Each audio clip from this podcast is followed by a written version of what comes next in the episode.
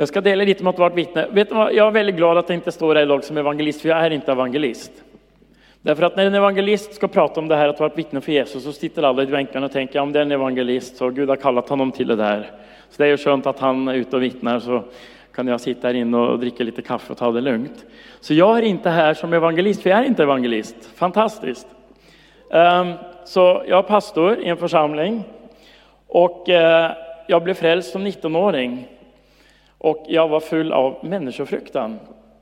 Eh, jag var livrädd för människor. Det fanns inget mer läskigt än människor. Det var mer läskigt än giftormar och spindlar och allt annat man kan tänka sig. Det värsta som kunde hända var att prata med främlingar. Eller om främlingar kom fram till mig och sa hej och sträckte ut en hand så blev jag livrädd och började svettas. Och hjärtat började rusa. Jag var så rädd för människor. Det fanns inget som var värre än att prata med folk. Men jag mötte Jesus och eh, första bibelversen här ikväll är från Matteus 4.19. Det händer någonting när vi börjar följa Jesus. Eh, jag vet inte om jag får upp den bibelversen. Då står det så här. Kom, Matteus 4.19. Kom och följ mig så ska jag göra er till människofiskare. Och eh, så ganska fort började jag inse som 19-åring att det är faktiskt, det tillhör att vara människofiskare om man följer Jesus. Det är ingenting jag kan välja bort. Liksom, jag vill ha dig Jesus, men jag vill inte ut och fiska andra. Jag vill ha dig, men jag vill inte vara ett vittne. Alltså, jag vill följa dig Jesus, men jag vill inte berätta för andra om dig. Det är inget alternativ.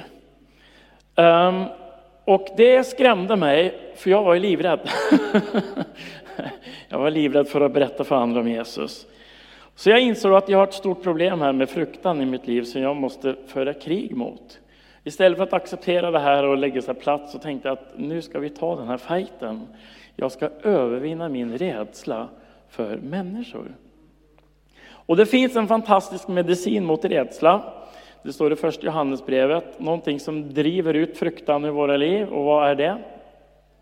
Kärleken. Och vem är kärlek? Ja, Jesus och Gud är kärlek. Så man kan faktiskt få tag i den kärleken. Um, innan jag blev pastor i Flen så var jag pastor i Katrineholm i fem år. Och uh, inga av våra grannar var troende och vi hade ett, de som bodde närmast oss, ett svenskt par i 50-årsåldern. Uh, ehm, de, var, ja, de hade inga vuxna barn hemma, men de hade en vuxen dotter som hade lämnat hemmet och eh, flyttat ihop med en kille och fått barn. Och eh, den här dottern hon fick då cancer och dog i, hon var i mitten på 20-årsåldern. Och det blev liksom fullständigt sorg över den här familjen. Och vi såg dem när de stod i sin trädgård och de var så olyckliga. Så tittade jag ut en dag på våra grannar och så sa jag till min fru, vet du vad? Jag känner faktiskt ingen nöd för våra grannar. Vi vet att de har det hemskt, men jag känner att det bryr mig inte, liksom, det, det stör mig inte. Det är liksom, jag var väldigt ärlig med min fru. Och så tittade hon ut genom fönstret och tittade på mig och sa, vet du vad Daniel, jag känner heller ingen nöd för våra grannar. Och så sa jag, men så här borde det inte vara, sa jag. Nej, det borde inte vara så här. Så sa jag, ska inte börja be till Jesus att han ger oss en kärlek till våra grannar? För man kan faktiskt få det av honom om man inte har det. Eller hur? För annars blir det bara krystat och jobbigt. Eller hur? Det är jättejobbigt att vittna för människor som Jesus om man inte känner kärlek till folk. Det är, liksom, det är, det är bara död och elände. Så vi, vi, vi väldigt ärligt, vi böjde knä och sa Jesus, vi bryr oss inte om våra grannar, vi har ingen kärlek till dem alls. Men du har det, kan du ge lite av din kärlek till oss, för våra grannar? Så började vi be så här varje kväll. Och det tog inte många veckor innan vi verkligen kände en nöd. Och plötsligt när vi tittade ut genom fönstret kunde vi känna sorg, vi kunde känna nästan att vi började gråta bara vi såg dem. Och vi kände att våra hjärtan började bulta för våra grannar. Och då började vi be om en sak till, och det var tillfälle. För det säger Bibeln att om vi ska vara vittnen så kan vi be om tillfälle. Paulus säger be om en öppen dörr, säger han för evangelium. Det betyder Gud skapa utrymme och tillfälle att dela dig. Eh, vänta inte på att det bara ska hända, utan be Gud om tillfällen. Så vi började be Gud ge oss tillfällen att få dela dig med våra grannar. Och då hade vi en vecka med evangelisation i Katrineholm. Vi ska vara ute på stan varje eftermiddag. Vi hade tält mitt i gågatan och skulle prata med folk. Och jag var på väg dit. Jag springer ut genom dörren med min bibel i hand och känner nu måste jag skynda mig så inte jag blir sen. Precis när jag springer ut för dörren, då sitter de på sin altan. Så ser de mig med bibeln när jag kommer ut. Så ropade Hej du pastorn, kom över hit! Och jag tänkte, jag har inte tid att prata med grannen nu. Jag ska ju tjäna Gud på stan. så jag bara tänkte, okej, okay, det här får gå snabbt. Ja men kom över hit pastorn! Så jag springer över och då har jag Bibeln i hand för jag ska ner på stan och vittna. Jaha, vad har du i handen? Ja, en bibel. Sätt den ner här. Så bara, okej. Okay. Och så frågar de, du, han där Jesus som du tror på, berätta lite om honom. Varför är du kristen och varför tror du på Jesus? Och då tänkte jag så här, nu glömmer vi stan. Där sitter de på sin altan och bara tiggar och ber. Snälla berätta för oss om Jesus. Vem är han och varför är du en kristen och varför tror du på honom? Och jag tror inte det här hade hänt om inte vi hade bett både om nöd för våra grannar och bett om tillfälle. Så jag berättar vem Jesus är, vad han har gjort i mitt liv. Och hon börjar bara storgråta och säger det är precis vad jag behöver. Och han blir jätteberörd också. Och, och, och jag, sitter, jag tror jag satt en och en halv timme och bara berättade allt vad Jesus har gjort i mitt liv och vem han är. Och mina grannar blir så otroligt berörda av Jesus. Och så inser jag, att det här var inte svårt. det är inte svårt. Eh, att följa Jesus är att vara en människofiskare. Så, så jag var 19 år och så insåg jag så här, om jag verkligen menar allvar med att följa Jesus, då måste jag vara villig att bli en människofiskare. Och det är den första frågan, är du villig att bli en människofiskare? Frågan är inte om du vågar eller om du känner att du kan. För det tar Gud hand om. Frågan är, är du villig? Att följa Jesus är att vara en människofiskare. Om vi följer Jesus på allvar så blir vi människofiskare. Det är ett resultat av att följa Jesus. Så jag tror att om vi inte är Jesu vittnen så tror jag faktiskt att vi inte följer honom heller. Så lite allvar blir det här ikväll, men jag hoppas att det kan sporra dig. Men det som är så skönt med den här versen är att Jesus säger så här, jag ska göra er till människofiskare. Det är ju fantastiskt. Så han säger inte, följ mig, så ska ni rycka upp er och skärpa er och liksom ta er i kragen och göra det så gott ni kan. Utan han bara säger så här, om ni följer mig så ska jag se till att ni blir människofiskare. Jag ska göra er till människofiskare. Det är ett verk av Jesus. Underbart! Så det finns en vila i det här. Det finns liksom en trons vila i allting. Frågan är bara, är vi villiga att bli människofiskare? Ehm, för många år sedan bodde jag, Katrin, nej, förlåt, jag bodde i Uppsala. Det var början av 2000-talet. Och jag började be för mina grannar där också. Därför att jag visste att om man inte ber för någon så är det svårt att få nöd för dem. Har man ingen nöd för Eskilstuna så tror jag orsaken är att man inte ber för stan. Ber du för stan så får du nöd förr eller senare. Du får Guds hjärta för stan om du ber för stan. Så ofta, oftast skulle jag vilja säga att det börjar med bön. Så jag började be för mina grannar, men jag hade faktiskt inget intresse av att vittna för dem, för jag tänkte det vågar jag inte. Det var ett, ett ungt par, svenskt par i mitten på 20 åren, typ 25-26. Så jag bad mycket för dem, men jag tänkte jag ska inte vittna för dem, för det här är Uppsala, här vill inte folk höra om Jesus. Och en dag så bara sa Gud, gå över till grannen och ge dem den här boken Jesus dog för dig, som handlar om evangelium och vem Jesus är. Och jag bara, Gud det gör jag inte. De blir arga. Sen nästa dag sa Gud samma sak. Gå över till grannen och plinga på och ge den här boken. Jag bara, nej, det tänker jag inte göra, för då sabbar jag relationen med dem och då vill de aldrig träffa mig igen. Och sen blir de sura och vill aldrig hälsa på mig igen. Sen gick det tredje dagen, jag var hemma och läste Bibeln och bad och Gud sa, gå över till grannen nu Daniel. Jag bara, nej, det tänker jag inte göra. De är svenskar, de vill inte höra. Eh, fjärde dagen så började Gud skrika. och sa, nu räcker det, sa nu gör du vad jag säger. Han blev, han, Gud blev faktiskt arg, som han blev med Mose. Sluta ursäkta dig Mose, liksom. nu går du till farao. Så jag bara, okej okay, Gud, jag gör det då liksom. Okej, okej, okej. Så jag tar den här boken och jag skakar och är jätterädd och så här, hur kommer de reagera liksom? De tror säkert att Jehovas vittnen, mormoner, någon konstig sektgubbe, inte vet jag vad de kommer att tänka. Så jag plingar på, då öppnar den här unga damen och jag tänker, jag går rakt på, jag kör pang på. Så jag säger, hej, eh, jag är din granne. Jo, jag vet, så vi har ju sett varandra. Ja. Så det är faktiskt så här så att jag tror på Jesus, jag är en personlig kristen. Jaha, säger hon. Ja, och Jesus har sagt till mig flera dagar att jag ska gå över till dig och ge dig en bok. Det kanske låter lite konstigt, sa jag, men jag har varit hemma liksom och, och Jesus har sagt jag ska ge dig den här boken. Jaha, vad handlar den om, sa han.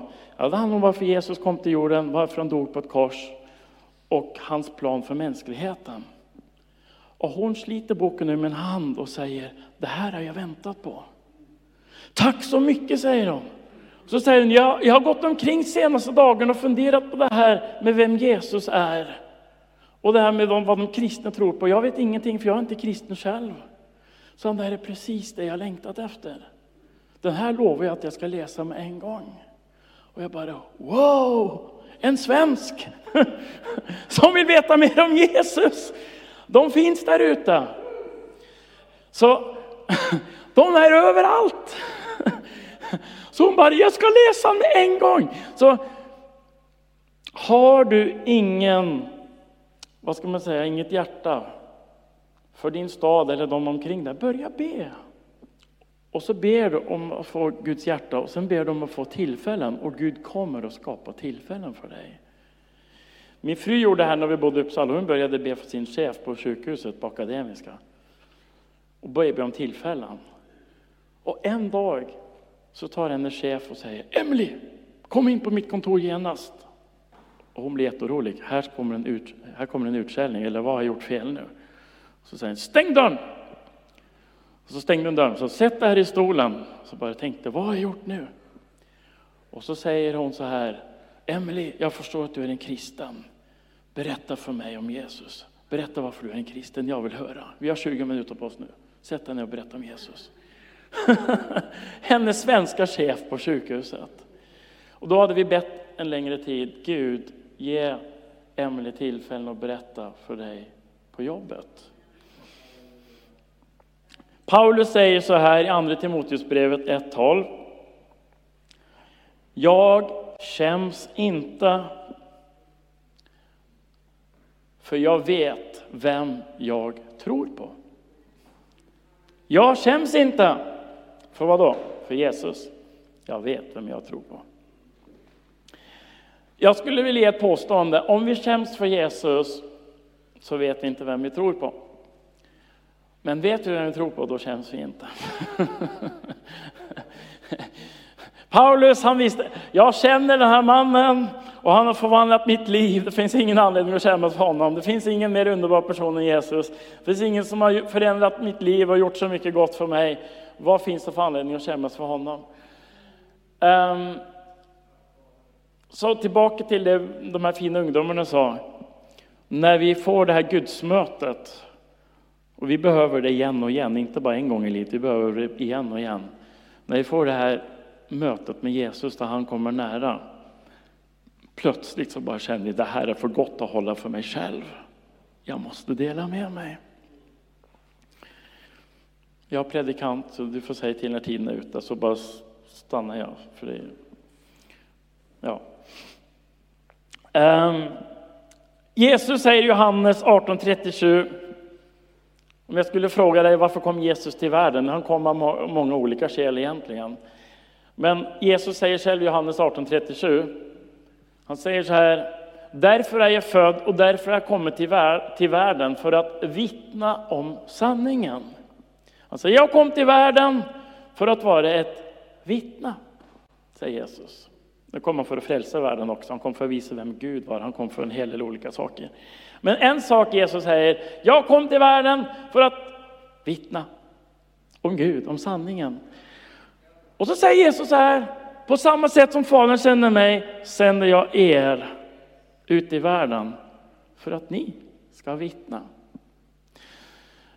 När vi tittar på Paulus, han var en församlingsplanterare, han var en missionär, han var en apostel, han startade bibelskolor, han byggde församlingar, han undervisade de troende. Men när man läser Paulus brev och han studerar hans liv, det han satte allra högst på dagordningen i sitt liv, det var att vittna om Jesus i vardagen. Och när Paulus själv pratar om sin kallelse så säger han, Gud kallade mig att vara ett vittne för Jesus. Han säger inte någonstans, Gud kallade mig att starta församlingar, bibelskolor, träna de troende. Han säger, Gud kallade mig med ett syfte, att vittna om Jesus. Och det är det man ser överallt Paulus åkte. Han kunde sagt, ja, men jag är ingen evangelist, det här är inte min uppgift. Jag är en församlingsplanterare, jag är en apostel. Nej, vi är alla Jesu vittnen. Och det säger Paulus är den högsta kallelsen, att vittna om Jesus. Det är faktiskt större än att vara pastor. Jag är pastor, men det är ännu större att vara ett Jesu vittne än att vara pastor. Wow!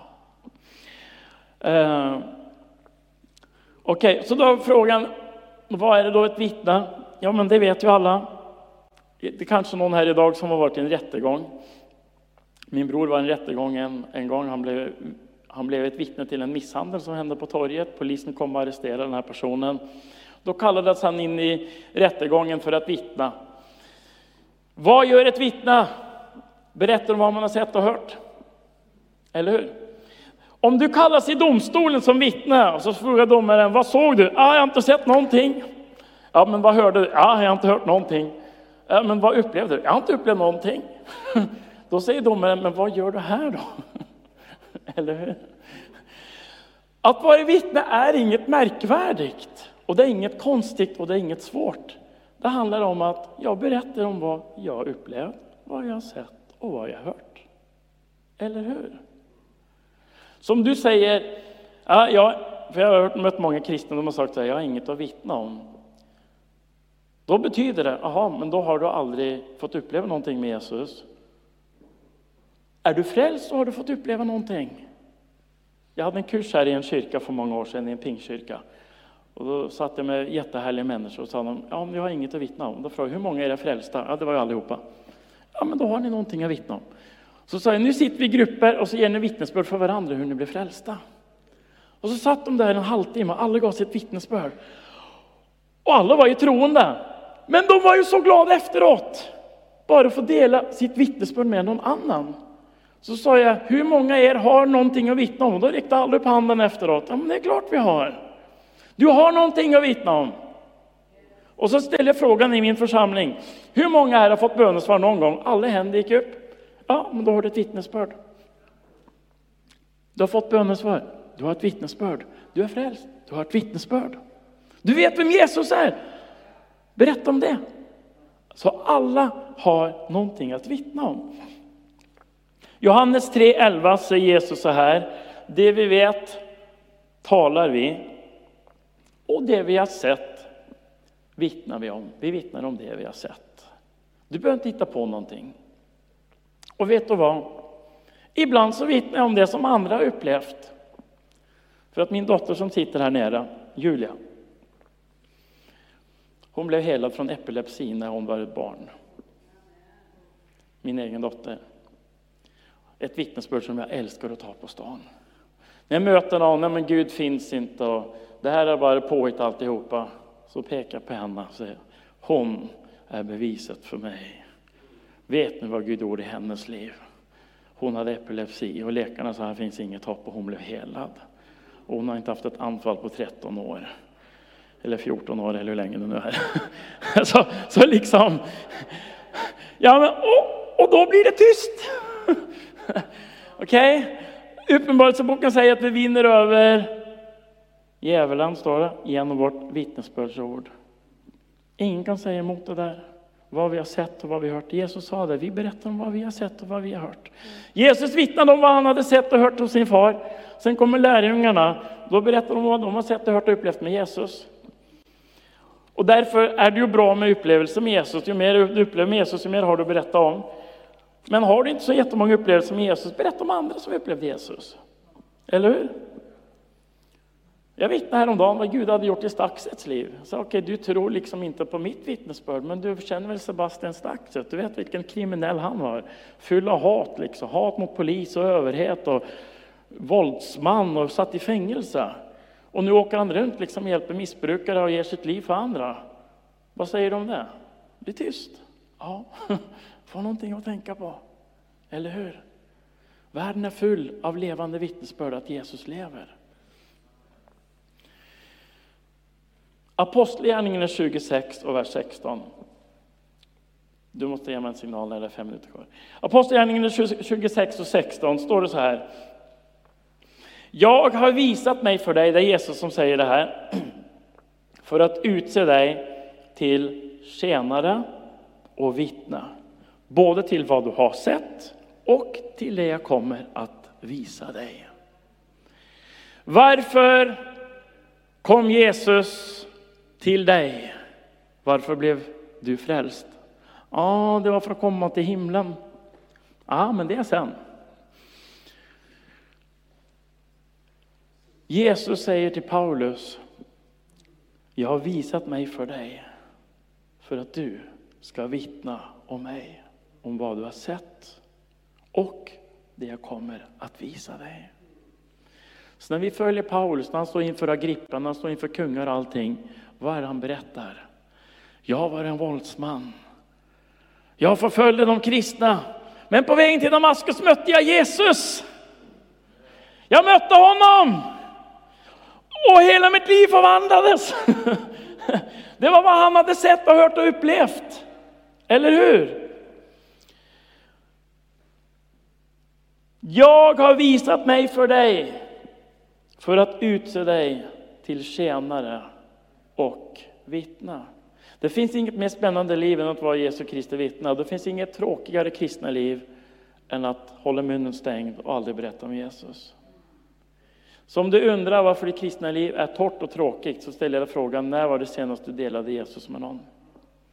Jag har märkt det, ju mer jag delar Jesus, ju gladare blir jag. Och ju mer jag håller tyst, ju mer deprimerad blir jag. Jesus sa, för inget har ni fått, för inget ska ni ge vidare. Ju mer du ger vad du har fått, ju mer får du från Gud. Och ju mer du håller inne, desto torrare blir allting. Nu ska jag dra ihop det här. Så jag hoppar över hälften, så går jag rakt till slutet. Ja, det är farligt att släppa upp en predikant här i talarstolen. Så jag ska avsluta med det här. Hur vittnar vi om Jesus? Nummer ett, med våra liv. Du är. Du vet, vittna är ingenting man gör, det är någonting man är. Det är inte svårt att vittna om Jesus om man är ett vittne. Ja, det handlar om att vara en livsstil, en inställning, en attityd. Om du går runt och inte tänker så här, ja, nu har kyrkan en satsning så då ska jag ut och vittna om Jesus och sen tar jag det lugnt ett par månader och sen ska vi ha en satsning här på våren och då ska jag också vara ett vittne. Utan vittna om Jesus, det handlar inte om någonting vi gör ibland, det är någonting vi är. Jag är ett vittne, eller hur? Mitt liv är ett vittnesbörd. Folk tittar på dig, eller hur? På jobbet och överallt. Så du är ett vittne genom ditt liv. Nummer två, Bibeln säger så här. Första Petrus 2.12. Uppför er väl bland hedningarna. Det är ju de som inte tror. Så att de, när de anklagar er som förbrytare, för ibland gör de det, ni kristna, ni är ju så, så och så och så. Ser alla goda gärningar ni gör och prisar Gud. Du vittnar genom den du är, men du vittnar genom det du gör. Så min bror, Du vet det här paret i Katrineholm, han fick en tanke en dag. Han sa så här, Daniel, dina grannar, på grund av dottern som dog, de orkar inte göra någonting. Deras hus är täckt med gröna alger. Jag trodde det var mögel, men det var alger. Det var helt täckt liksom med alger. Och så sa han så här, kan inte vi göra en god gärning för dem? Så de var borta ett par dagar. Han tog fram högtryckstvätten, vi tog fram så här eh, medel för att få bort det här. Och så en hel dag så jobbade vi med att tvätta deras hus. Fick bort allt det gröna, alla alger och alltihopa. Jag sa ingenting till dem att vi hade gjort det. De kommer hem. Och ringer sina barn och frågar, har ni varit här och tvättat vårt hus? Och barnen säger, eller inte barn, förlåt, det var någon släkting och frågar, har ni gjort det här? Nej, vi har inte gjort det här. Och så kommer de och plingar på hemma hos mig och säger, har du varit här och tvättat vårt hus? Och säger, ja, det var jag och min bror som gjorde det här. Så börjar tårarna rinna ner för deras kind och säger, varför gjorde ni det här? Ja, men vi, vi tycker om er och vi vill hjälpa er. Vi vet att ni har det svårt nu. Er dotter har gått bort och ni orkar inte så mycket. De bara storgrät. De blev ännu mer öppen för Jesus. Så Petrus brev säger, när de ser de goda gärningar ni gör, gör goda gärningar. Du kan vittna om goda gärningar. Nummer tre, berätta vad Gud har gjort för dig. Dina bönesvar. Alla har fått bönesvar. Och nummer fyra, berätta om din relation och dina upplevelser med Jesus. Vad är det han har förvandlat i ditt liv? Avslutningsvis vill jag säga så här. Fyra saker som du och jag hela tiden behöver för att kunna vara effektiva vittnen. Den heliga Andes kraft, frimodighet, tillfällen och någonting att dela med andra. Alla här har ett vittnesbörd. Men de tre andra sakerna säger Bibeln att vi ska be om. Paulus säger, be om mig att det ges frimodighet när jag öppnar min mun. Be om mig att det ges tillfällen, be om mig att jag får öppna dörrar. Be om frimodighet, säger Paulus, så att jag får frimodighet. Så vi kan be Gud om den heliga Andes kraft. Den heliga Ande ska komma över er, ni ska få kraft att vara mina vittnen. Det är inte en engångsgrej, det behövs igen och igen. Be om frimodighet, be om tillfällen.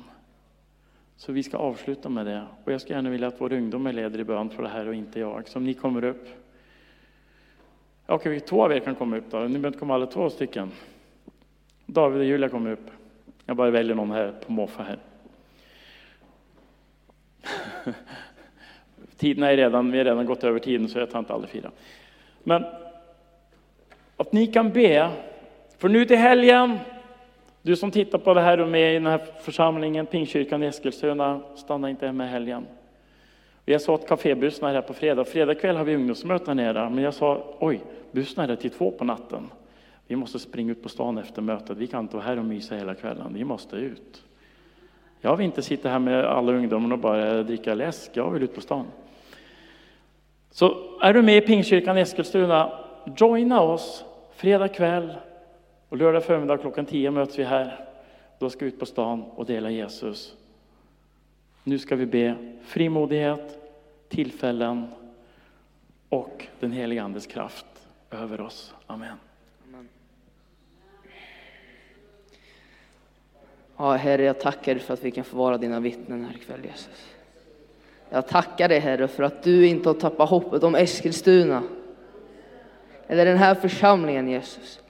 Jag ber, Herre, om tillfällen, om att få dela, dela dig, Jesus. Få vittna om dig. Jesus, jag ber också att du väcker en, en nöd i våra hjärtan. Jag ber, att, jag ber om ditt hjärta för, för vår nästa Jesus. Jesus, jag ber Herre. Jag ber om frimodighet genom din ande Jesus. Jesus, jag ber för var och en som tittar eller lyssnar på det här som säger nej, jag klarar inte av det, jag, är, jag förmår inte, jag kan inte. Jag bara ber att du krossar de där tankarna i Jesu namn.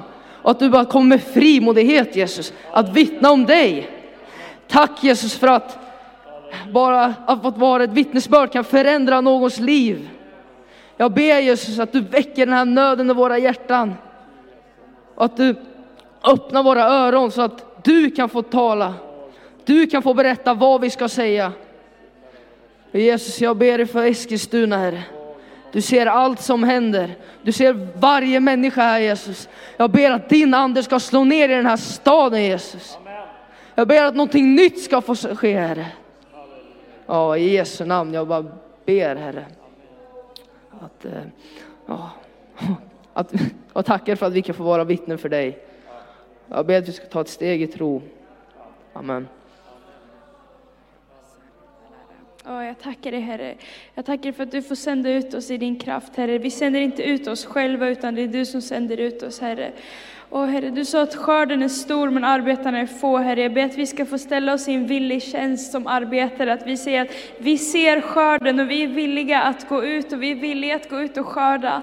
Vi är villiga att bli använda av dig Herre som redskap i din hand Herre. Jag ber att du ska låta vår villighet växa Herre. Vår villighet att låta dig använda oss, vår villighet att bara fullständigt överlämna våra liv i dina händer Herre. Så att du får göra vad du vill, när du vill och hur du vill Herre Jesus.